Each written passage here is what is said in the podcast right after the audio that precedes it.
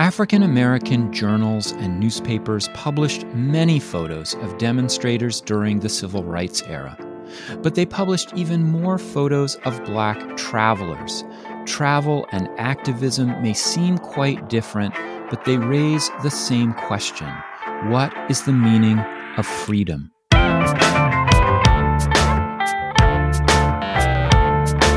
It's time to eat the dogs. I'm Michael Robinson.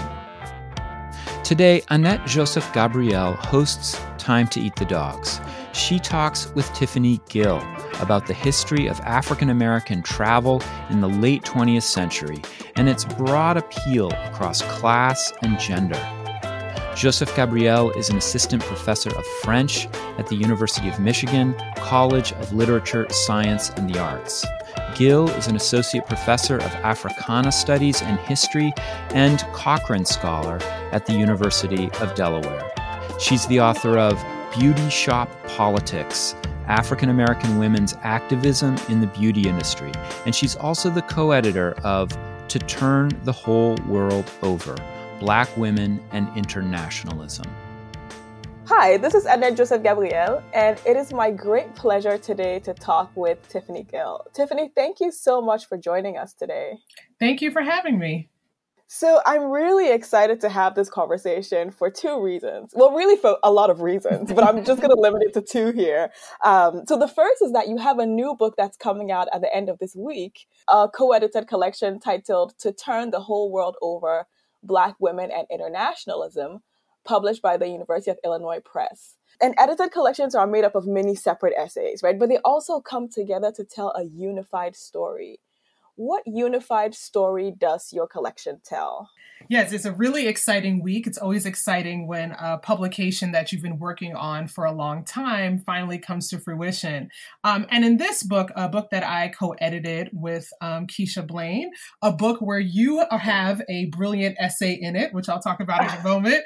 Um, but it, it, tells a story of um, Black women's global engagement um, and really starts with looking at the late 19th century and brings that story all the way to the present.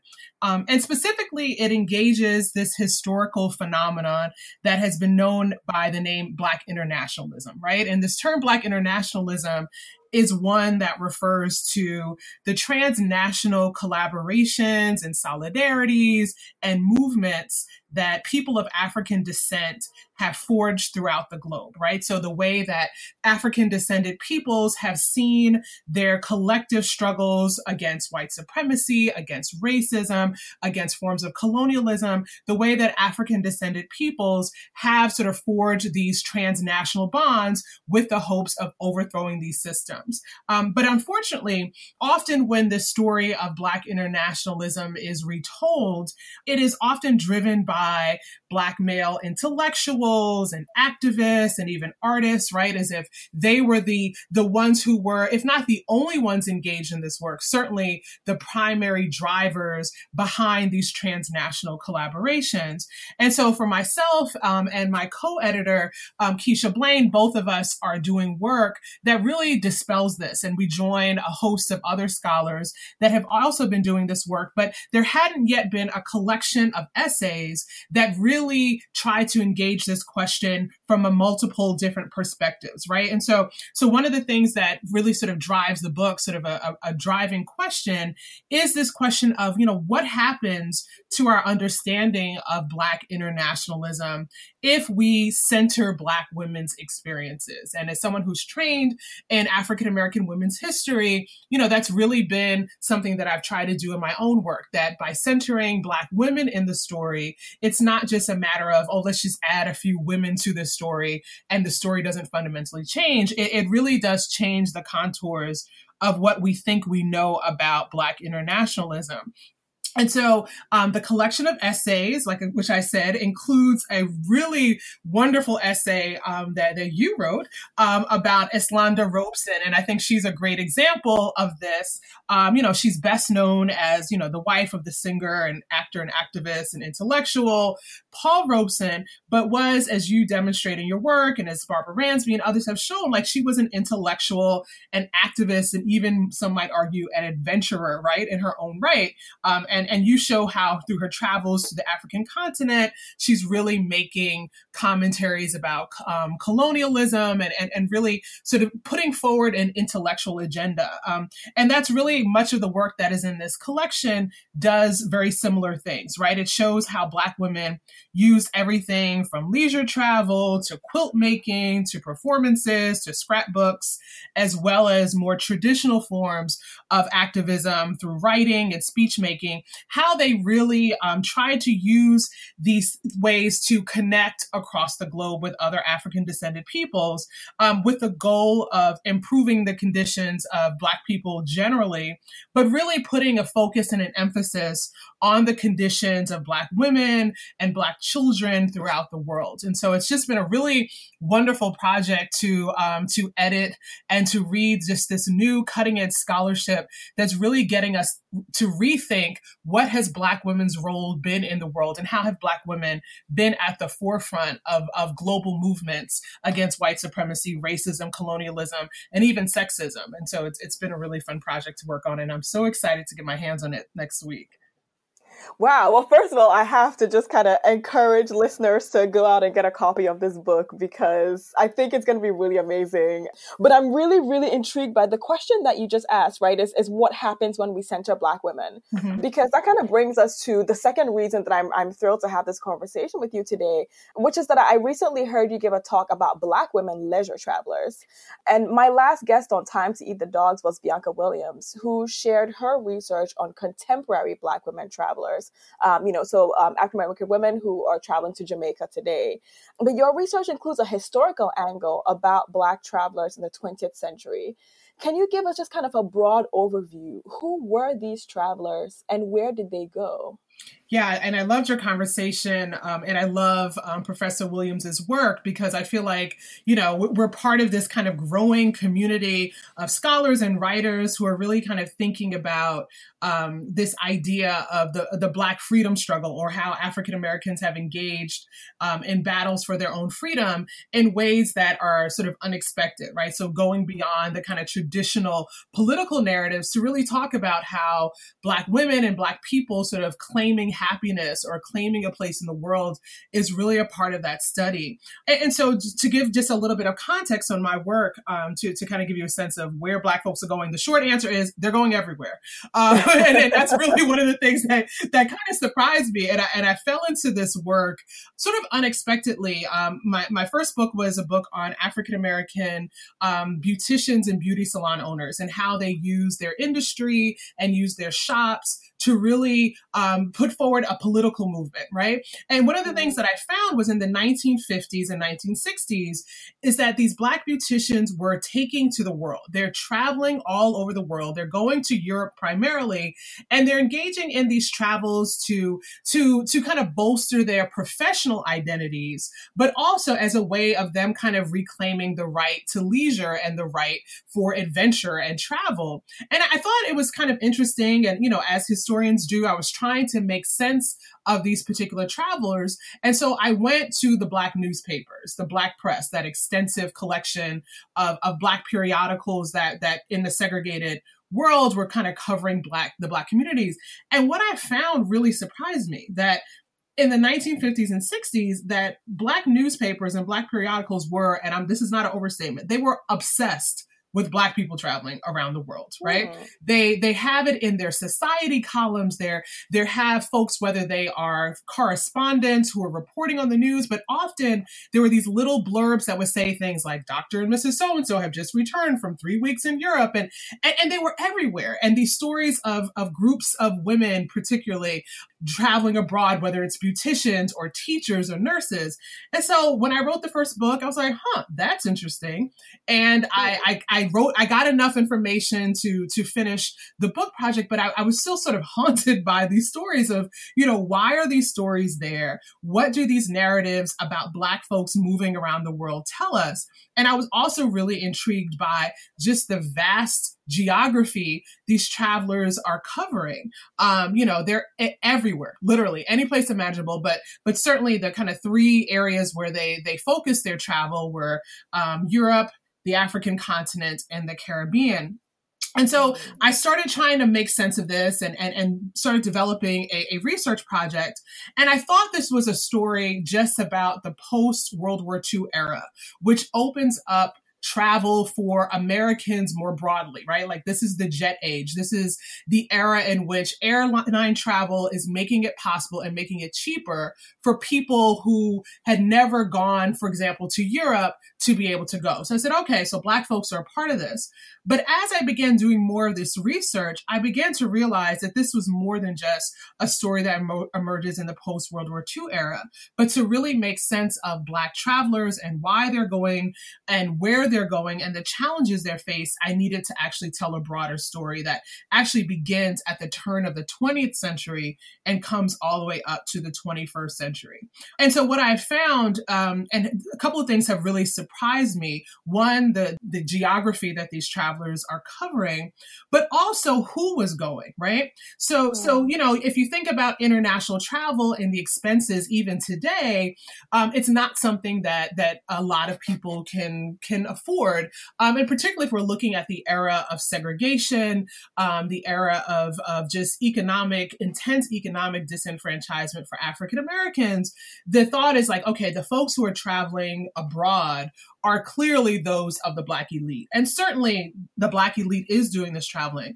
But also, what began to intrigue me was that it wasn't just a story of the Black elite traveling, but we have uh, religious groups and religious leaders. We have, you know, church Sunday school teachers and school teachers, period, which were probably the largest group um, that were traveling. Um, folks who would save money for two, three, four, five years, putting away money. Um, we would see also even examples of, of workers who would work their way around the world as a way of traveling. Um, so it's a much broader story. Um, and so I, I wanted to try to figure out, you know, I, I started thinking about how we know a bit about the perils of travel for African Americans in the domestic space, right? That we know that Jim Crow laws existed and segregation laws existed, and there were sundown towns where African Americans were not permitted to be after dark. Uh, you know, we even can look at the renewed interest in things like the Green Book, where, you know, we, we have this sense of how African Americans had to really kind of plan and navigate to, to make it safely from one destination to another, not just in the South, but all across the US. And so the question I began to think about is like, well, how does that work in an international context? And one of the things that sort of got me thinking about it is that the Green Book, which has been talked about quite a bit, there's a you know Hollywood feature film, there's a documentary. The documentary is much better than the feature film in my opinion, but um, that's another story for another day. But right. one of the things that that surprises me is how one of the things that's overlooked about the Green Books is that they always covered international destinations. Well, really not always, but pretty early on from its inception, there are destinations in South America and um, throughout Central America and Europe and Africa. And so I began to think about, well, we don't really know what it was like for African Americans who wanted to travel internationally, right? Um, were they denied things like the right to purchase tickets? What happened on steamships um, where there are people who are used to a particular kind of segregation order and they're now on a boat for 14 days with a group of African Americans. What happens? You know, what happens when African Americans get abroad? While there is this narrative that um, traveling abroad will be an escape from racism, certainly, um, as as many of us have have researched and talked about, and your own work shows us that you know anti-blackness unfortunately has has much wider reach um, and that there man you know there's anti-blackness all throughout Europe and South America and Central America and Asia. Um, what happens when African Americans are denied service when they go abroad, right? What, how did they navigate this? You know, where did they go to try to um, to alleviate this? And so I've I've just found this really rich and interesting story um, that I talk about this tension between the the perils and the pleasures of travel. This idea of escaping segregation and racism, but also having to be savvy and getting information on how to navigate those very things once they go abroad. So it's just been this this rich story. I have more sources than I know what to do with. We're like, oh, what are you finding for this? I'm like, black folks are traveling so much that it, it's actually overwhelming um, in this book but it really just tells this hidden story um, that this is not something new to the 21st century um, but something that has much earlier roots Wow. I mean, I have no idea how you're working through such a such a dizzying scope of, of sources because, you know, like you said, we'll we'll usually think about black travelers as this, you know, relatively small um, group of elites, you know, like Eslanda Robeson will jet off to Paris or London, etc. But I mean, Sunday school teachers, domestic workers, this is this is a really large scope. And I'm also really fascinated by the destinations that you mentioned, right? So of Europe, Africa, and the Caribbean as being three primary destinations. And I mean, like the reasons why a Sunday school teacher would go to Africa would be different from why a domestic worker will try to go to the Caribbean, for example. So, in terms of what you're seeing in this archive, what really motivated travel in this period? Was it the result of climate or events in the United States? Was it the attraction of the destinations, or was it a kind of a combination of push and pull factors?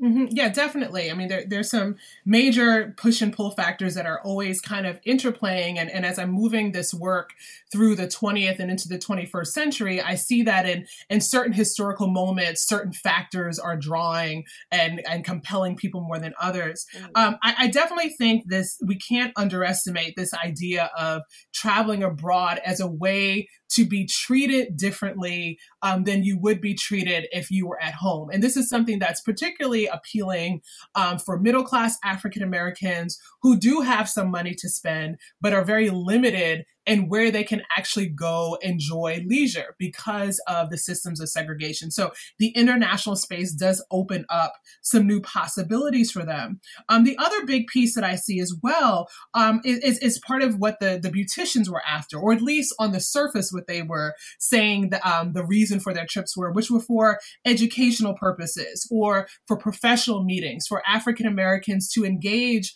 in some of this work of Black internationalism by connecting connecting with African descended people and other parts of the world who are in their profession. So we have, for example, groups of African American doctors and African American nurses and teachers going to even places like Mexico to learn about how to engage in certain kinds of educational practices.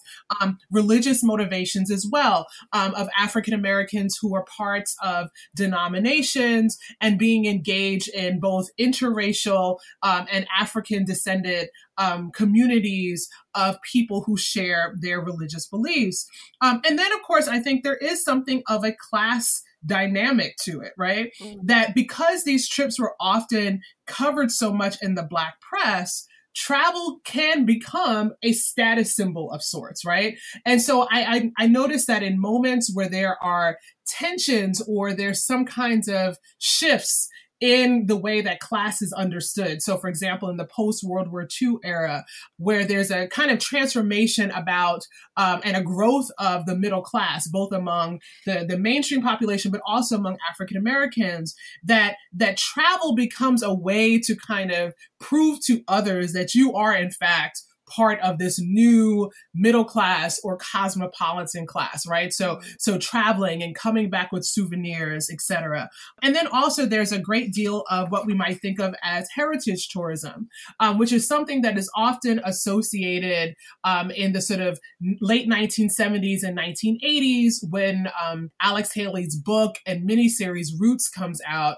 Um, that really begins the the narrative is that that really begins to propel African Americans, for example, to want to travel to Africa to connect with their roots. But but actually, in the period of of decolonization in the 1950s, we see groups of African Americans always wanting to be on hand when Ghana um, uh, becomes Ghana and when Nigeria gets away from British colonial rule. That African Americans are also participating that as well. And then, of course, there is the enjoyment pleasure, leisure factor, which I think um, Bianca Williams's work does so beautifully. That for African Americans, this very act of even wanting to be free in terms of enjoying oneself is a political act of sorts. And so, you know, a lot of times these other things were pretenses for them to really go and see the world sights and to enjoy them and to come back with souvenirs and slideshows and stories to share with their communities. So, um, really lots of, of factors that are drawing African Americans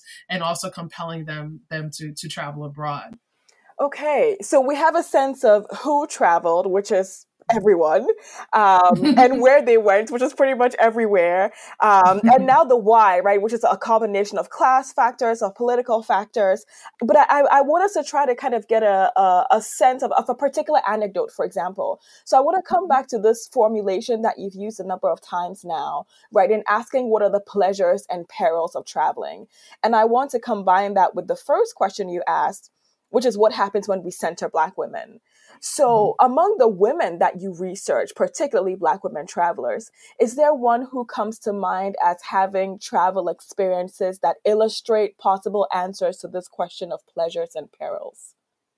Yeah, I mean, one of the, the great things about this project is that it's really just opened up a whole new world of, of African American women that um, I think should be a part of our understanding, our historical understandings, but aren't. And, and probably the one that comes to mind who figures prominently in my work is a woman by the name of Freddye Henderson.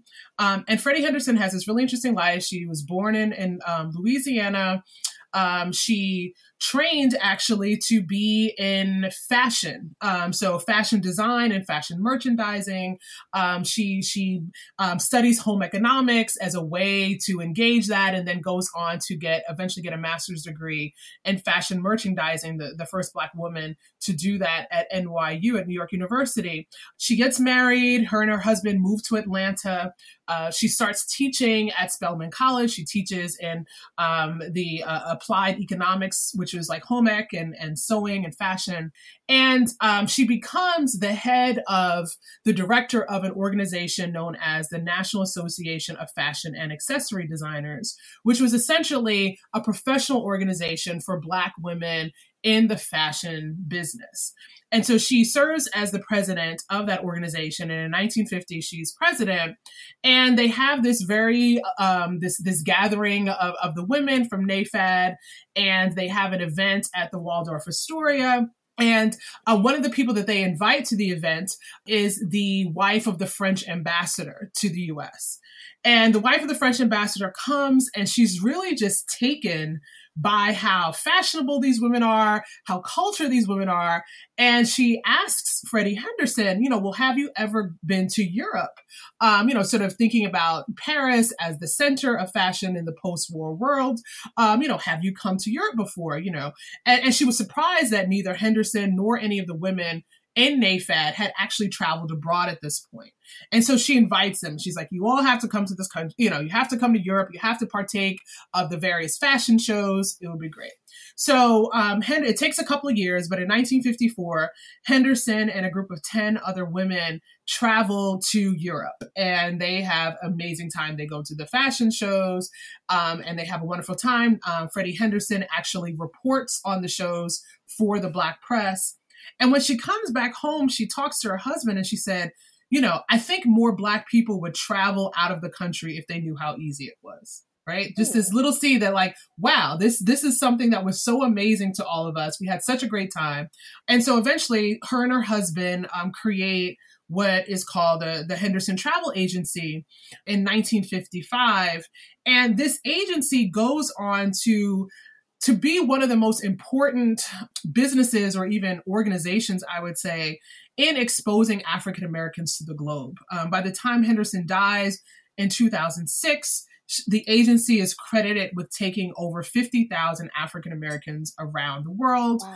Um, and I think it's just, uh, uh, you know, when we think about these stories of internationalism, that there are certain figures that rise to the top. Um, but to me, who better exemplifies Black internationalism than this woman who mm-hmm. creates this agency that literally is responsible for taking tens of thousands of African Americans abroad. And she really shapes the discourse of travel. So, for example, she plans the travel itineraries for the delegation of African Americans that goes to Ghana in 1957 for the um, Ghanaian independence celebrations. And among those, the reason why she ends up getting connected to that group is that a friend of her and her husband's, who was part of their circles in Atlanta, man by the name of Martin Luther King, um, and his wife Coretta Scott King, who uh, Freddye Henderson um, helped basically served as sort of an informal stylist to her, wow. Um, you know, was telling them they wanted to go. And she had never been to Africa before. This is before the creation of the, the slave castles and the infrastructure of, of of tourism that exists today. Mm-hmm. And she basically helps to create that infrastructure. And, and really, I argue, plays an important role in kind of reshaping American, African American ideas about Africa about West Africa in particular. So so she's one of those folks who who helps black folks travel to these places but also was very much impacted by her own experience abroad and knew that this was something that people in her circles, people that she knew um, would want to be a part of. And so to me, I, am like, there is no conversation about Black internationalism in the 20th century mm-hmm. um, without Freddye Henderson. And and my work, I'm, I'm trying to just just bring her to, to her rightful place in that mm. conversation. Wow, I have like a hundred follow up questions about Freddye Henderson right now. I mean, just because there are these amazing connections that you know you're teasing out between between leisure, between economic mobility and, and political action, right? That all of these three things are kind of coming together in her story. But kind mm-hmm. of b- before before I get to, to that follow up question, I'm I'm wondering about the way that fashion as a kind of artistic self expression becomes her in mm-hmm. into this travel, into this world of travel. And when we think about the experience of traveling now, right, photography, right, it becomes that kind of mm-hmm. equivalent artistic self expression that's a, a, key component of the travel experience, right? So this kind of desire to document one's experience. Um, I'm thinking about like the selfie stick, which I rail, I rail against and then kind of caved and got one myself. Right. But, you know, so I'm, I'm wondering, in addition to these narratives and stories, stories that you're telling in your work. What about the images? Do you find photographs to be an important part of the archive that you research? And if so, what story do these photographs tell about how Black women fashioned themselves through their leisure mm-hmm. travel? Mm-hmm. Yeah, they, I mean, I, there are days when I'm supposed to be writing when I just get lost in my photographic archive for this project. There's so many just incredible images, right? Because, you know, travel is so connected to that, right? Did it really happen if you don't have a picture of it, right? Like, right. were you really there unless you have a picture? Um, and, and, you know, as much as we think of 21st century folks um, and sort of, you know, how conscious we are about selfies and all that, I mean, the, the African Americans, particularly um, those that are traveling the post World War II era, but, but even earlier as, as photography is becoming more and more popular, that it's totally connected to travel. So, so for example, when one would get on either a steamship or an airplane, this is the era when a photograph was taken of that, right? Mm-hmm. So I have all these just amazing photographs of Freddye Henderson and other folks that have traveled on the jetway of a Pan Am jet and the, the jet is behind them and they're standing there and they they are impeccably dressed, right? So they these women would talk about the clothing they would have made for these for these trips, right? That that part of it is about kind of the, you know, some might argue this kind of this this kind of showing off what you have, but but I think it's it's deeper, right? And and for me, that when I started rethinking these photographs and and beginning to think about them as evidence of kind of black quests for freedom or African American desires for freedom is when I juxtaposed the images in the black press um, particularly um, spaces like Ebony Magazine, which would often have these multi page pictorials of African Americans traveling abroad. And juxtaposing that archive with our archive that we typically think of as photographs of the civil rights movement, mm. right? So we're thinking about those images that immediately come to mind of African Americans being chased by dogs, being sprayed by fire hoses, being attacked, etc. And when you look at the black press in the same period, in the 1950s and 1960s, there are more images of African Americans traveling than they are of those who were getting beaten through the civil rights movement. And, and what I want us to kind of what I've been thinking about in my work is is how these two these two narratives are in conversation with one another at this really important moment. And, and I posit that they both are giving presentations of what freedom looks like right? That that it is about sort of the struggle for freedom but also the images of african americans in front of the eiffel tower at westminster abbey in morocco in asia is really kind of them claiming their space in the world, right? It is about them kind of demonstrating through their own deportment and their dress this sense of dignity, this sense of joy, this sense of pleasure, and the sense that, like, yeah, we have a claim to the world. And and and that I think is a is a as radical an act as even those who are putting their bodies on the front line during the freedom struggle. So, so yeah, the, the images are beautiful and stunning, but I think they also, because so many of them were covered in newspapers, they're also telling another story. So I'm so intrigued by this idea of leisure as part of what that multifaceted image of freedom looks like, right? So that there, there are multiple angles at which we can start to understand the sort of composite notion of, of what it means to claim, like you're saying, one's place in the world. And so in, in my conversation with Bianca, we talked about travel and, and hashtag self care as a political practice, right? So leisure as political practice.